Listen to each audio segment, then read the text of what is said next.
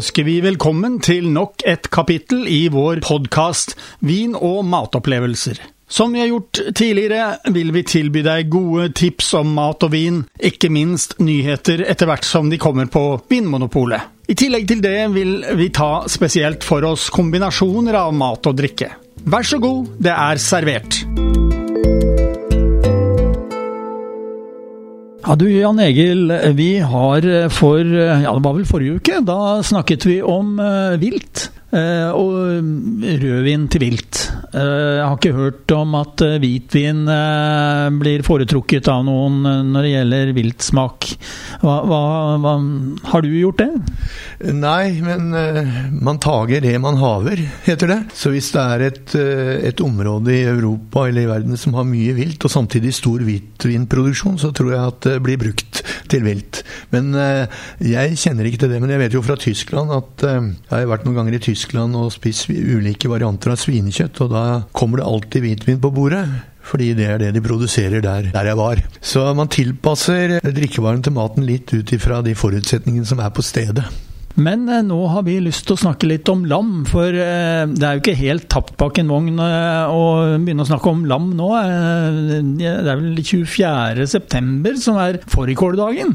Det er helt riktig. Nå, jo, nå, jo, nå tas jo sauene tilbake til, fra fjell, fjellbeite og annen type beite, og ned igjen på gårdene. Og så blir det mye kjøtt i butikken etterpå, uten at jeg skal si noe om det som skjer i mellomtiden. Så, så høsten er i hvert fall i Norge en sånn fersk får- og lamperiode. Vi får en renessanse for det ofte ved påsketiden, men da er det jo ofte varer som har vært frosne, da.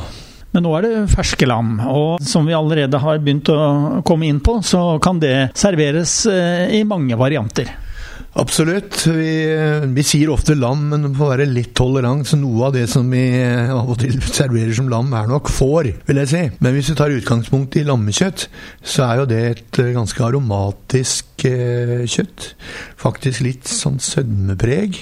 Og det er, jo, det er jo også en del fett faktisk relativt mye i forhold til at det er et ungt dyr ofte. Nå er det jo slik da at uh, det er mange meninger om forskjellen på lam og får. Og noen foretrekker uh, Ja, de kaller det sau. og nettopp fordi det er mer smak i det. Ja, det, det er nok riktig. Men det, er, det har liksom satt seg at det skal være land. Og mark i markedet så gir nok det litt fordeler. Men andre som er litt trent i smaken sin, de syns at får altså voksen sau, kan være bra.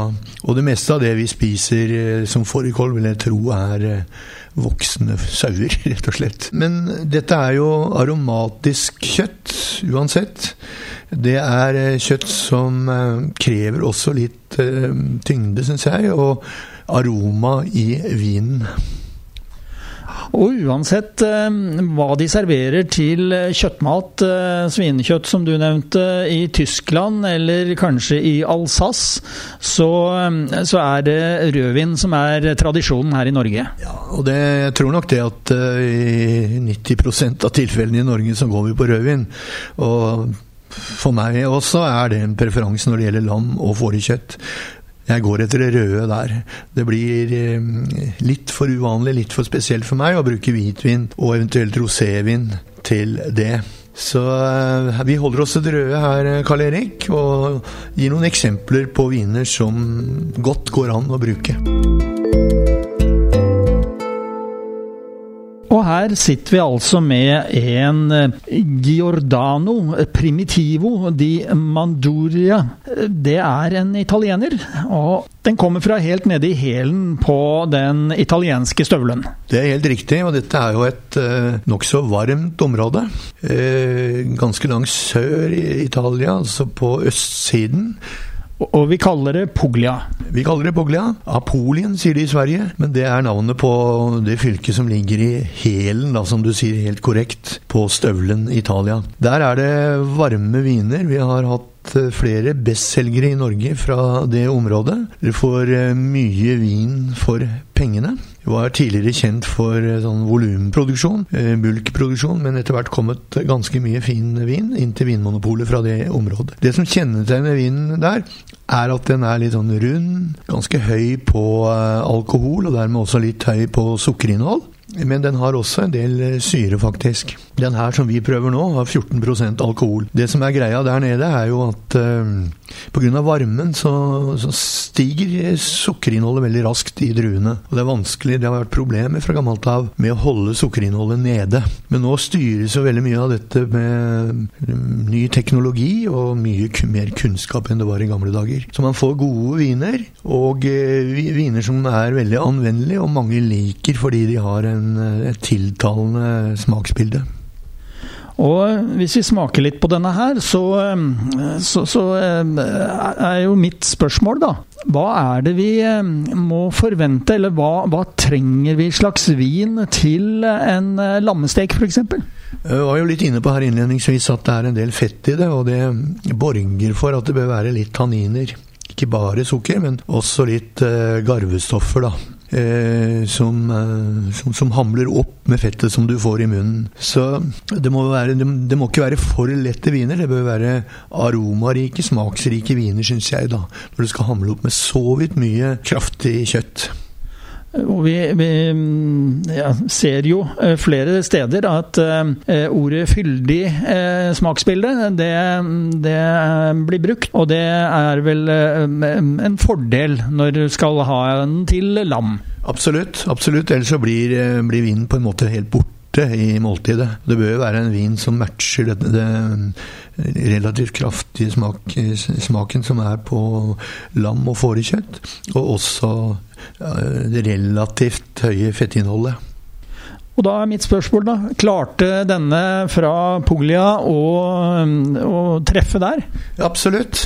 Det er en vin som har mye fylde, som ikke blir borte med en gang. Nå har riktignok ikke vi noe lammekjøtt på bordet her, men uh, for meg så virker det som en, en, en vin som har litt tyngde, har den kraften som trengs, og som samtidig er både tiltalende og lettdrikkelig.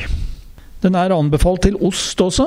Tror du den kan fungere der? Absolutt. Altså, mange av ostene som vi serverer, har jo ganske mye melkefett, da, eller fett i utgangspunktet. Og eh, da vil en sånn type vin kunne matche det fettet du får i munnen av det. Den eh, koster eh, 164,90, eller si 165 kroner på Vinmonopolet. Og den finnes eh, så godt som i alle utsalgene til Vinmonopolet. Ja, Vi har jo vært på tur i Piemonte, og her har vi en vin eh, foran oss som kommer fra Alba. Der har vi vært på Trøffelfestivalen, og det var jo en stor opplevelse. Dette er jo i eh, det området av Italia som kalles Piemonte. Oversatt til norsk eh, fylke ved foten av fjellene. De er kjent for tre druer. Og eh, nå har vi valgt da en Barbera, som druen heter. Det er vanligvis en eh, frisk, litt eh, altså fruktig, kanskje til og med litt sånn floral til duft noen ganger.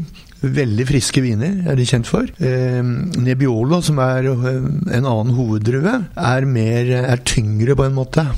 Så har vi den tredje drue i det området, som heter Dolcetto, som er da liksom arbeidsdruen på mange måter. Og eh, faktisk så er det eh, i denne Marchesi di Barolo Rovai, eh, Barbera d'Alba, her er det faktisk både eh, Barbera og litt Nebbiolo-innslag. Så her har vi to av tre eh, druer. Ja, det står her eh, på, på spesifikasjonen at det er 15% Nebbiolo. Det er spennende. Nebbiolo er for øvrig en drue som vokser svært få andre steder enn i Piemonte. Det er spesielle klimatiske forhold som eh, gjør at den trives i det området. Vi har jo vært der og sett disse, dette tåkelandet som noen ganger oppstår der, fordi middelhavsvarmen møter Alpene. Og i denne tåken så trives Nebbiolo. Nebbio betyr jo tåke den lille som står i tåken. Så her er vi, eh, er vi, da inne på en klassisk drue, og eh, jeg har eh, smakt litt på den vinen, og den er jo veldig frisk. Har litt syre, og jeg er spent på hvordan den vil fungere til lam. Jeg tror det vil gå veldig godt. Den er jo en kraftig vin. god fylde og har fin karakter. Absolutt. Og til en pris av 170 kroner. Så det er ikke en helt billig vin. Det er en, uh, Den vi prøver her, har, uh, har, eksistert siden 2018. En 2018-årgang. Så den har kanskje blitt også litt avrundet, da. Og historien eh, bak eh, denne vinprodusenten, den eh, har vi blitt fortalt startet for mer enn 200 år siden. Så mm, de har litt erfaring bak det de gjør nå. Absolutt. Dette er jo et av Europas mer klassiske vindistrikter. Som ligger på samme breddegran som den kjente breddegranen som går gjennom Rån på andre siden av grensen. Og det er jo blant de mest berømte vinområdene som, som finnes i verden. På, både på italiensk og fransk side. Det er ikke langt over til Frankrike fra dette området. Så denne er eh, anbefalt da til både lyst og rødt kjøtt, men eh, jeg ville nå kanskje foretrukket lam. Det er nevnt også at den kan brukes til eh, småvilt. Småvilt? Ja, eh, jeg vet ikke hvor mye småvilt vi bruker i Norge i dag, men det, for meg så er det hare, kanskje skogsfugl, kanskje strekke meg opp til rådyr. Og da vil jo denne absolutt eh, gå som hånd i hanske, vil jeg tro. Og Vi ble også uh, fortalt her at uh, denne finnes på de aller fleste vinmonopolutsalgene. Ja. Dette er en vin som er uh, tilgjengelig i de fleste delene av landet. Ikke på absolutt alle butikker, men på butikker med en viss størrelse har denne Barbera-vinen. Har du fått dagens podkast fra Radio Riks Oslo om mat og vin. Hvis du ønsker å abonnere på den, slik at du får den automatisk når nye blir lagt ut, kan du gjøre det. Kommende mandag får du neste kapittel. Vi høres!